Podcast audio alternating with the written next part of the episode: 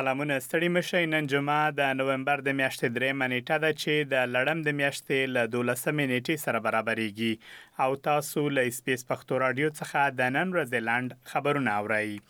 اسرائیل وایي ځواکونه یې په غزې کې نور هم وړاندې تللي دي، مګر د ملګرو ملتونو یو متخصص وایي فلسطیني ملکي وګړي د نسل وژنې له خطر سره مخ دي.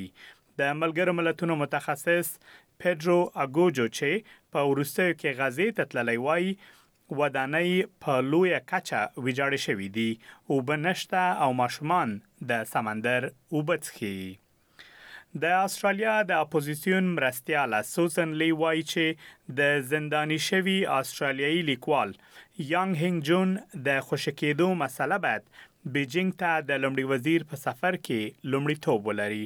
د اسټرالیا لومړی وزیر انتوني البنیزي سبا چین ته په یو څلور ورځني سفر ځي چې موخه یې په ډیپلوماټیکو اړیکو کې د کنګل کېدو پای ته رسول دي. له دوه زره شپاړس کال راهیسې دا لومړی ځل دی چې د اسټرالیا لومړی وزیر دغه هېواد ته په سفر ځي.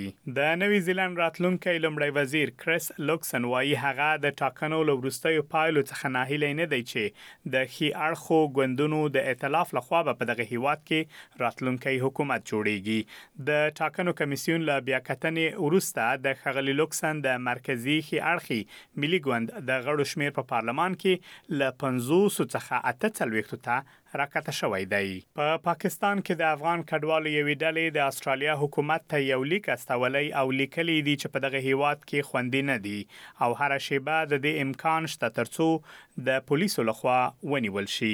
دغه لیک د یو شمېر داسې افغان کډوالو له خوا استول شوی چې اوس مهال په پاکستان کې د اسټرالیا ویزو ته په تمه دي. اسټرالیا ته په استول شوي لیک کې افغان کډوال غوښتنه لري ترڅو د دوی د ژغورلو لپاره لاس په کار شي او د دوی غوښتنلیکونه په چټکۍ سره وارزول شي. ټاکل شوې چې د افغانستان او هالنډ لوبډلو ترمنځ نن د هند په لکناو ښار کې لوبه ترسره شي. د دواړو لوبډلو ترمنځ تر دې دمه پنځه لوبې ترسره شوي او افغانستان څلور لوبې ګټلې دي.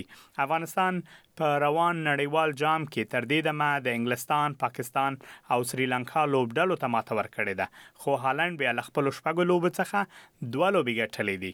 دواړه لوبډلې تمه لري ترڅو د روان نړیوال جام نیمه پای لوبې ته لاره پیدا کړي. دا وه د نن ورځې لنډ خبرونه چې ما مجیب منیب تاسو ته وړاندې کړل. تر بیا مو الله مل شه.